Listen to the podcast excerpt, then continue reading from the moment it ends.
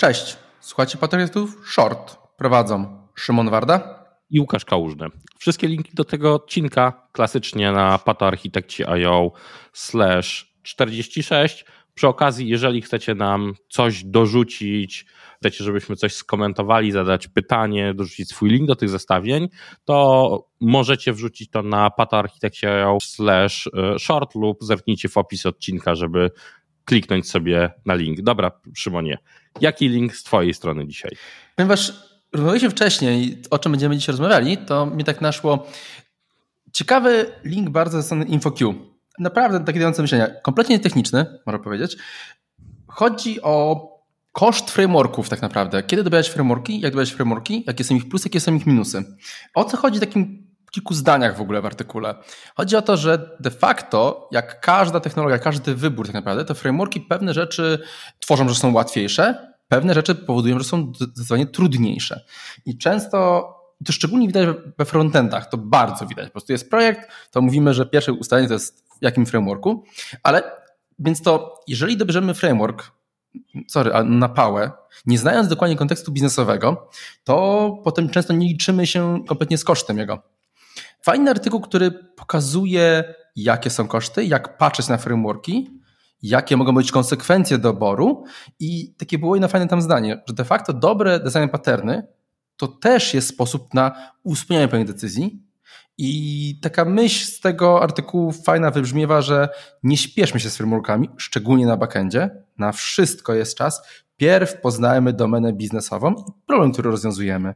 I to jest idealne i aplikuje się do wszystkiego, że tak powiem. Czy wiesz co, to jest fajne stwierdzenie, tylko taka dla mnie łyżka realizmów, biorąc sobie dwa najpopularniejsze rzeczy, czyli nawet więcej, weźmy dobra, .NET, y, Java, Python, y, Node, y, w przypadku Java czy .NETu już le musisz lecieć frameworkiem, bo w czystej Javie to byłaby mordęga, porównując Ale... do takiego Spring, Boot, Spring Boota, samego, jako stos biorąc samego Spring Boota, a czy, .NET, .NET czy ja wiem, czy Spring Boot jest takim frameworkiem? To jest, to jest zestaw bibliotek de facto. Bo jaka jest różnica między frameworkiem a biblioteką? Dla mnie no. przynajmniej. Framework mówi ci, co jak masz dokładnie robić i tylko wstawiasz kod w pewne miejsca. Biblioteka de facto mówi, że ok, używaj mnie. I ja Springa widziałem ostatni raz na oczy parę lat temu, żeby nie było, ale wtedy to było w zasadzie tak, no okej, okay, po prostu dajemy ci platformę, która umie hostować, nie, która teraz, to umie teraz, Nie, to, to jest framework. Teraz jest naprawdę w ma swój opinionated kierunek i pokazuje, w którą iść, jeżeli mówimy o samym, bo nawet nazwa już zmieniła się jako, jak tam wiesz, jak masz, patrzysz na Spring Boot, ale patrzę, że mm. to jest Spring Framework i całą tą, i ma wszystkie war, warstwy tak naprawdę po kolei y, idące. .NET de facto, czego byśmy nie wzięli, to jest framework. No właśnie nie. Właśnie wydaje mi się, że nie. Jeżeli popatrzysz Web API i te inne rzeczy, które powstały wokół serwowania, powiedzmy tak, serwowania API, no to mają swoje podejście. W świecie dotnetowym to jest trochę wy, wy, wymieszane z tak naprawdę z patternami, bo sam .NET Framework nie ma takiego mocnego narzucania, jak ma to wyglądać i musi. Nie jest taki silnie zatypowany, w jaki sposób masz ułożyć projekt. Wydaje mi się, że dużo, dużo wcześniej widzisz framework. Dla, dla mnie, mówię framework, to jest też masz różnicę między Angularem, a na przykład Vue albo właśnie ogólnie frontendowy, że są no. zupełnie inne podejścia. To, co Dotnet robi, dla mnie to jest takie daj, o, dla mnie Dotnet to jest taki boilerplate code de facto, na myślenie całości. No ja, ja się, mamy inne do tego podejścia, więc ale to ten świadek wyboru rozwiązania, a drugi aspekt, który de facto w tym sobie istnieje, wybór wyborem, ale zawężasz go do tego, co umie e, twój zespół albo kompetencje, jakie tak. możesz pozyskać od dostawców, że to dość mocno zawęża ten wybór. Y tak, czy bez uznań w ogóle skill zespołu to jest często rzecz pomijana, bo często podbierane jest to, często ja się nabijam z tego, że decyzje w IT podejmujemy tak samo jak podejmujemy decyzję coś jest na lunch. Bierzemy to, co bieraliśmy wczoraj, albo to, co bierze większość de facto, e, bo wtedy będzie pewnie dobre. Albo to, co chcemy e... sprawdzić. tak, jeszcze albo po prostu lecimy po liście i dokładnie. No tak to wygląda. Znaczy, dla mnie skill, powiedziałeś o zespole, tak, bardzo ważne dla mnie ten artykuł trafił, bo jeszcze pamiętamy, też pewnie pamiętasz, była taka mania na start.neta de facto, że każdy prawie software house, każda firma, w ogóle każdy zespół pisał swój własny projekt, który potem miał być używany company wide i miał dać wartość de facto firmy de facto i tak dalej. No Szymon, sam jesteś, przepraszam, teraz wezmę tak palcem wytnę. Jestem, Ty nawet tak. robiłeś coś takiego dla pojedynczego projektu, jakby nie patrzeć. Dużego projektu, Tak, dużego. ale żeby nie było, to jest dalej wykorzystywane i dalej się obroniło. Ja wiem, jestem ciekaw jak obecnie teraz klną. A właśnie, żebyś się zdziwił, nie, bo mam kontakt i nawet jeszcze wykorzystują, więc no zobaczymy. Dobra. Ale tak czy siak, pamiętajmy, że frameworki to jest, wybieramy je w kontekście problemu biznesowego, który mamy rozwiązać. Bo każdy z nich coś ułatwia i jak coś ułatwia, to coś musi też utrudnić. No. E, Fajny artykuł, naprawdę dość długawy, ale naprawdę niezły. Polecam do przeczytania tak na, do przemyśleń wewnętrznych. No, a Łukasz, a co u Ciebie?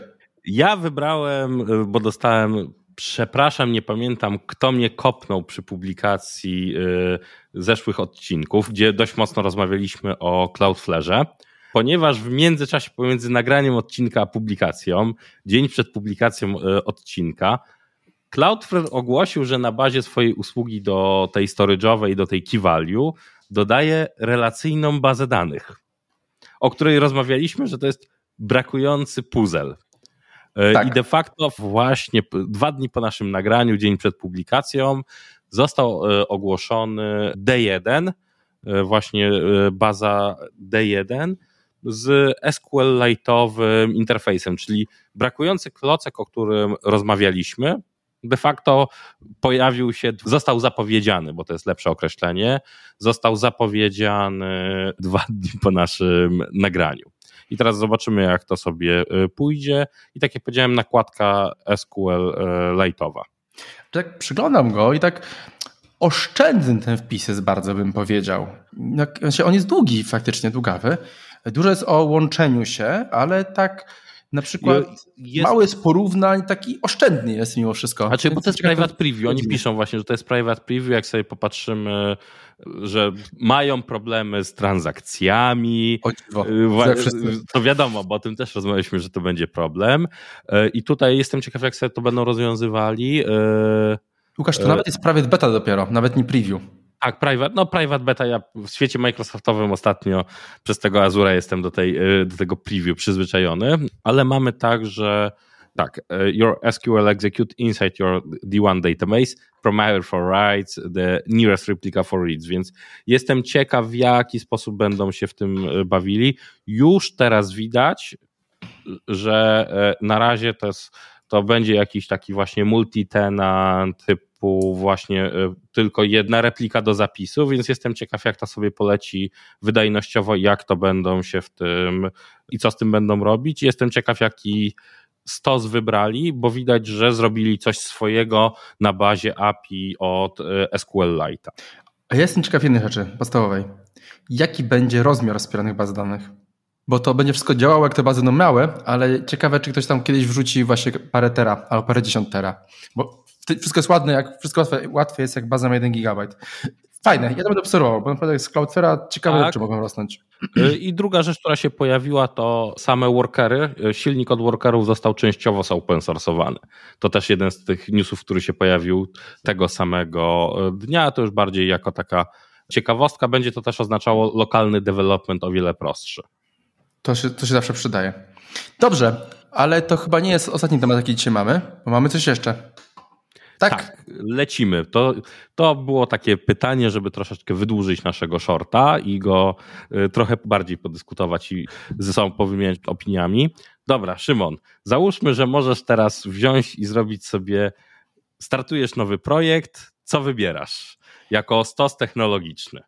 Dobrze, to tu będzie pierwsze, będziemy się nie zgadzamy, bo o dziwo przygotowujemy się wcześniej trochę do tych odcinków. I ja wybieram cokolwiek, co nie ma frontendu. Dobra, ja jestem realistą i frontend będzie musiał być. A właśnie coraz więcej widzę właśnie systemów, gdzie frontend jest, znaczy mówię, że nie ma. Frontend nie jest główną wartością de facto. Tak, jest, On jest do, do demonstracji, do niczego więcej. Tak, ale jeżeli coś takiego będziemy mieli, no to poszedłbym tędy, że prawdopodobnie Angular. Z tego trochę jak wspomniałeś, jeżeli teraz Angular jest mocno wytypowany w sposób weź tu wstaw, y, kod ma jakiś tam swój próg wejścia, ale w przeciwieństwie do tego, co widzę w projektach reaktowych, jak są bootstrapowane, jak to wygląda w przypadku. Się zgodzę, tak. Tak, reakta, że nie ma czegoś takiego, jak powinien wyglądać projekt i powinien być rozwijany, bo co zespół, co lead, to ciekawsze pomysły. A to ja bym się z tym nie zgodził. Właśnie ja już jakbym miał wybierać, to właśnie wziąłbym React albo Vue. Zdecydowanie. Yy, Angulara. Vue gdzieś tam jest też po drodze. Angular taki ze względu na to, że jest mocno wyspecyfikowany. To jest religia. Angular, nie jest, Angular jest religią. Słuchaj, najważniejsze, ważne, żebym nie musiał tam pisać kodu. O, o. Ja się, to się z tym zgodzę. tak, to nie jest moje. Dobra, to sobie polecimy. Dobra, Szymon, jaki język programowania? A ja będę, tutaj, tu się znowu trochę nie zgodzimy. Ja dwa języki, bo dwa się przydają z reguły. Pierwszy .NET, czemu? Dobry, w miarę uniwersalny, do większości produktów się nada, może być korporacyjny, może być lekki i do powiedzmy ciężko obliczeń backendowych jest, ekosystem jest też dobry, rozwinął się, śmiga. Do rzeczy lekkich frontendowych, bo żeby nie było, ja bardzo lubię architekturę redditową taką, więc to się super to wpisuje, a do rzeczy frontendowych typowo frontendowym rozumiem te rzeczy, które komunikują się z ludźmi, czyli muszą mieć szybki czas odpowiedzi, to byłby to Node. Czemu? Masa ludzi do niego jest. Do .NETu też jest masę ludzi. Dwa popularne frameworki, nie będzie problemów z rekrutacją, nie będzie problemów z ludźmi. Zgrają są ładnie, są z reguły wspierane jako pierwsze języki większości prowajderów chmurowych. Duży ekosystem, duża społeczność. Can't go wrong with it. Dobra, to ja tutaj mamy jedno wspólne trafienie, bo ja .NETu bym mimo że znam, e, używam. Znałeś. Znałem. Złośliwcze. E, wybrałbym e, Noda jako taki pierwszy, pierwszy wybór, pewnie strzeliłbym, patrząc się po tym, co się tworzy, Noda. Jako drugi wybór mam taki problem, bo zerkam tak troszeczkę na, na Rora, na Ruby on Rails, chociaż ekosystem ludzi jest za mały w tym. To jest taki jego problem, mimo że można że, szybko ja ci, tworzyć. Powiem ci, czy nie wziąłbym Rora. No. To jest fajny framework, fajny język, fajny ekosystem. On już jest w trybie utrzymaniowym de facto. To już nie jest nie, coś, o czym jest... dalej huczy i się dzieje. Tak, ale jest ciągle rozwijany. I, i tak, on jest ciągle rozwijany. Ale jak teraz komuś powiesz komuś, że... Znaczy, pula ludzi do Rora jest ograniczona. Ich nie przybywa zbyt tak. dużo. Tak. Dlatego właśnie ja bym Rora Cat nie wziął, zdecydowanie. I, a y, drugi w kolejności właśnie jako Ror, to wybrałbym drugi język, język, który zawsze jest drugim najlepszym językiem, ale w każdej kategorii. Mm, nie, no Go to nie będzie. Y, Java? Python. A Python? Python, też myślę. Python tak, z, ze, ze względu tak. na uniwersalność. Tak, Python. Yy, I ekosystem tak, niego. Ilość, ilość biblioteki, ilość rzeczy. Tak, ilość tak. tych. Y, można przebierać we frameworkach i innych rzeczach od bardzo lekkich do kobył typu Django e, czy parę innych, więc jest tego sporo. E, tak, znowu Python, masz dwa języki, które są pod cięższe projekty obliczeniowe, średnio się nadają, choć mają dużo portów takich, które się importują z C no albo właśnie, C++. No właśnie, czy wiesz, taki i teraz jest zawsze pytanie, czy to będzie taki projekt, czy nie, bo gadamy sobie o wymarzonym e, stosie. Gdyby tak. było ciężkie obliczeniowe, no to uśmiechnąłbym się, wziął Golanga i przytulił. E, Dobrze. To w ten, w ten deseń. Dobra. To skoro mamy bazę, to powiedzmy teraz, gdzie byśmy te dane trzymali. I tu się zgadzamy w jednym obszarze, Raczej... że byłby to SQL. Ale jaki? Patrząc na ceny, pewnie Postgres. Okej, okay, tak. Tu jest, tu jest niestety tak, że e, no Postgres teraz z baz no to naszym zdaniem tutaj niestety y, prowadzi, o tak, patrząc się na y, cena versus możliwości, kompetencje rynkowe, no i sama technologia pod a, ja bym, jest... a jeszcze jedna rzecz. Postgres jest dobry do wszystkiego. Chcesz w nim zrobić bazę key value? Zrobisz. Znaczy bazę obiektową, masz Zrobisz. głęboki e, zestaw, zestaw do, do JSONów i tak dalej. Postgres jest po prostu dobrym graczem cały czas. Nawet tak. Plus e, załadujesz dodatki typu timescale i masz bazę time series, która tak. żyje dobrze e, i się potrafi wyskalować. Ja tutaj jeszcze jedną taką rzecz, która jak mam Node'a tak naprawdę, to z drugiej strony troszeczkę uśmiech w stronę Mongo. Nigdy w życiu. I dokumentówki. Ale to zależy od potrzeb. Dobra, na czym hostujemy? Tu się zgadzamy całkowicie. Ja chcę mieć z tym jak najmniej problemu, e, więc to będzie albo FAS, albo Kubernetes. Zarządzany. Dobra, to Tyle. Tutaj tak z fasa prawdopodobnie jakbym poszedł function as a service, bo użyłeś skrótu nie rozwinęłeś. O, z function, razem ja function, function as a service y, poleciałbym prawdopodobnie na AWS-a, na Lambda, tak patrząc na częściowo na ekosystem i to, że serverless framework, który w JavaScriptie no tam pięknie daje środowisko pracy. O tak, nie trzeba wymyślać zupełnie koła na nowo, dodając jeszcze step functions, które tam są.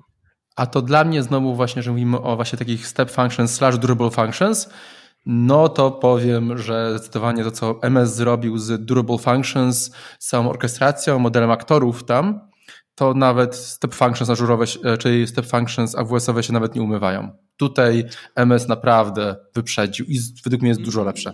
Mm. Ale server wiesz... framework jako taki jest bardzo fajny, się z tym tak, zgodzę. Tak, I lepiej tak, gra za WS-em.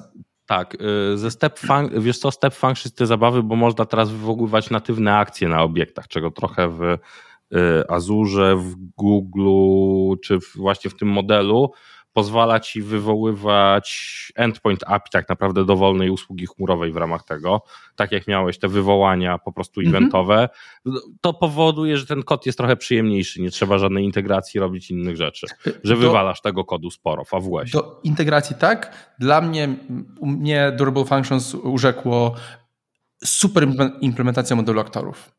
No. To jest dla mnie, to jest fajnie zrobili. Tak, znaczy, jeszcze tylko performance niech skończą poprawiać. Jeszcze co?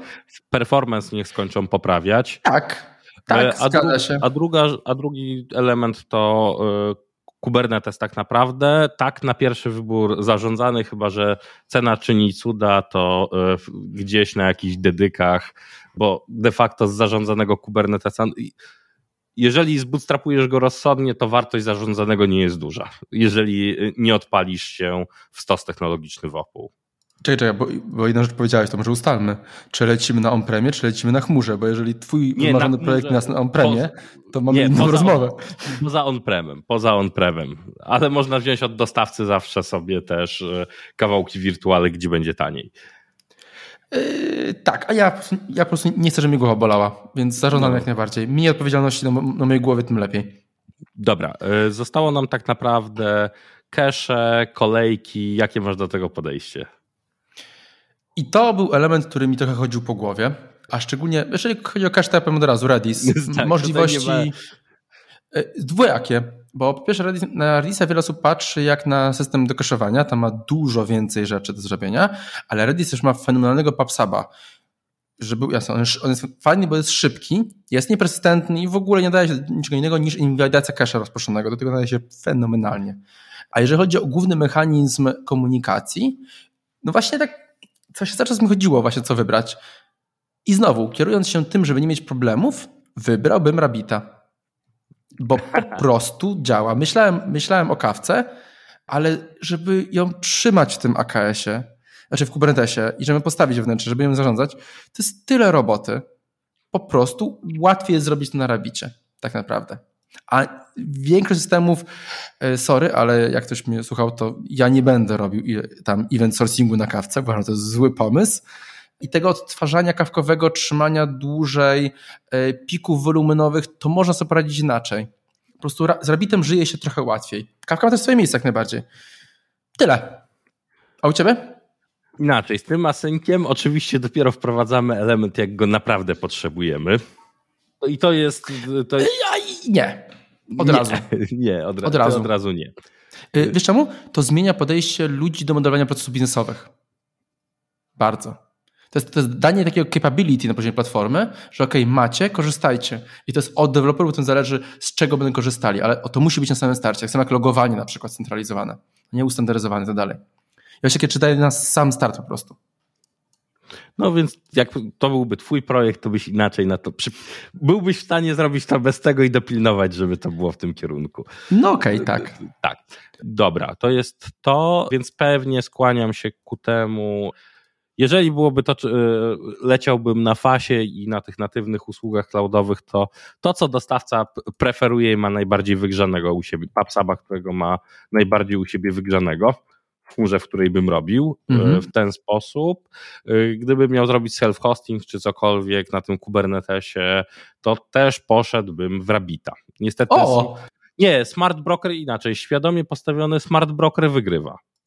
Tak, no, właśnie. Tak, zupełnie, zupełnie szczerze, smart broker, co bym nie chciał, y, wygrywa w tym, y, w użyciu. Kawka w tym roku dojrzewa, bo wyrzuca Zukipera i będzie coraz prościej. Tak, z Zookeeperem jest trochę, trochę trudniej, że tak powiem, tak, pod górkę. Dla, dla, dla, ten, dla e, doszczegółowienia, czemu się czepiamy Zookeepera, bo teraz, żeby do tej pory, żeby było trzymać kawkę, trzeba było mieć Zookeepera, który robił za quorum i wybór lidera i samą kawkę, czyli de facto utrzymywaliśmy prawie, że dwa klastry oprogramowania, a e, kawka dorobiła się własnej implementacji w środku Rafta, która właśnie dogrzewa się i raczej w open source, samym open source jest uznana za y, już produkcyjną, a Confluent bodajże, który ma, przepraszam, w open source jest jako produkcyjna, a Confluent, który utrzymuje komercyjną wersję, przygotowuje się do um, uprodukcyjnienia, bo jest już ich dystrybucji, ale y, jeszcze bodajże w, w becie preview jeszcze oznaczone, że nie do produkcji, jeżeli dobrze kojarzę. Ja jeszcze dodam takie małe historyczne dla tych, którzy może pamiętają, czemu powstał Elastic, bo przed Elastikiem był Solar, który dalej w ogóle jest. Jaki był główny motywator właśnie, że powstał Elastic? Tym właśnie, że Sol do klasowania wymagał Zukipera i utrzymanie Zukipera było po prostu bólem wiadomo czego. Więc historia się jako powtarza, bo po prostu znowu ktoś chce wywalić Elastica, znaczy wywalić e, e, Zukipera, jak go zaczął używać. Tak, Zukiper jest upierdliwy w hostowaniu. Tak, bo ty się męczyłeś z Solarem, tak już. Ja go bardzo lubię. Mówię od strony utrzymania. Tam go trochę mniej lubię. Tak, dobra. To z zabaw tak naprawdę ze stosu to byłby nasz, e, każdego z nas gdzieś tam wymarzony stos, jakby musiał coś ruszyć i robić od zera. Y, jeżeli miałby do tego ludzi, bo jeżeli jest już jakiś zespół czy ktokolwiek, to te decyzje już nie są po ulubieniach. Ale realnie ten stos jest bardzo, bardzo podobny do tego de facto, jakie stosy z reguły wykorzystujemy. Tak. Że tak powiem. Język tylko się często zmienia. Ten to, on, on top się bardzo często zmienia. Fluktuuje, tak. No. Dobrze, to powiedziawszy, to chyba kończymy. Tak. Na razie. Trzymajcie się.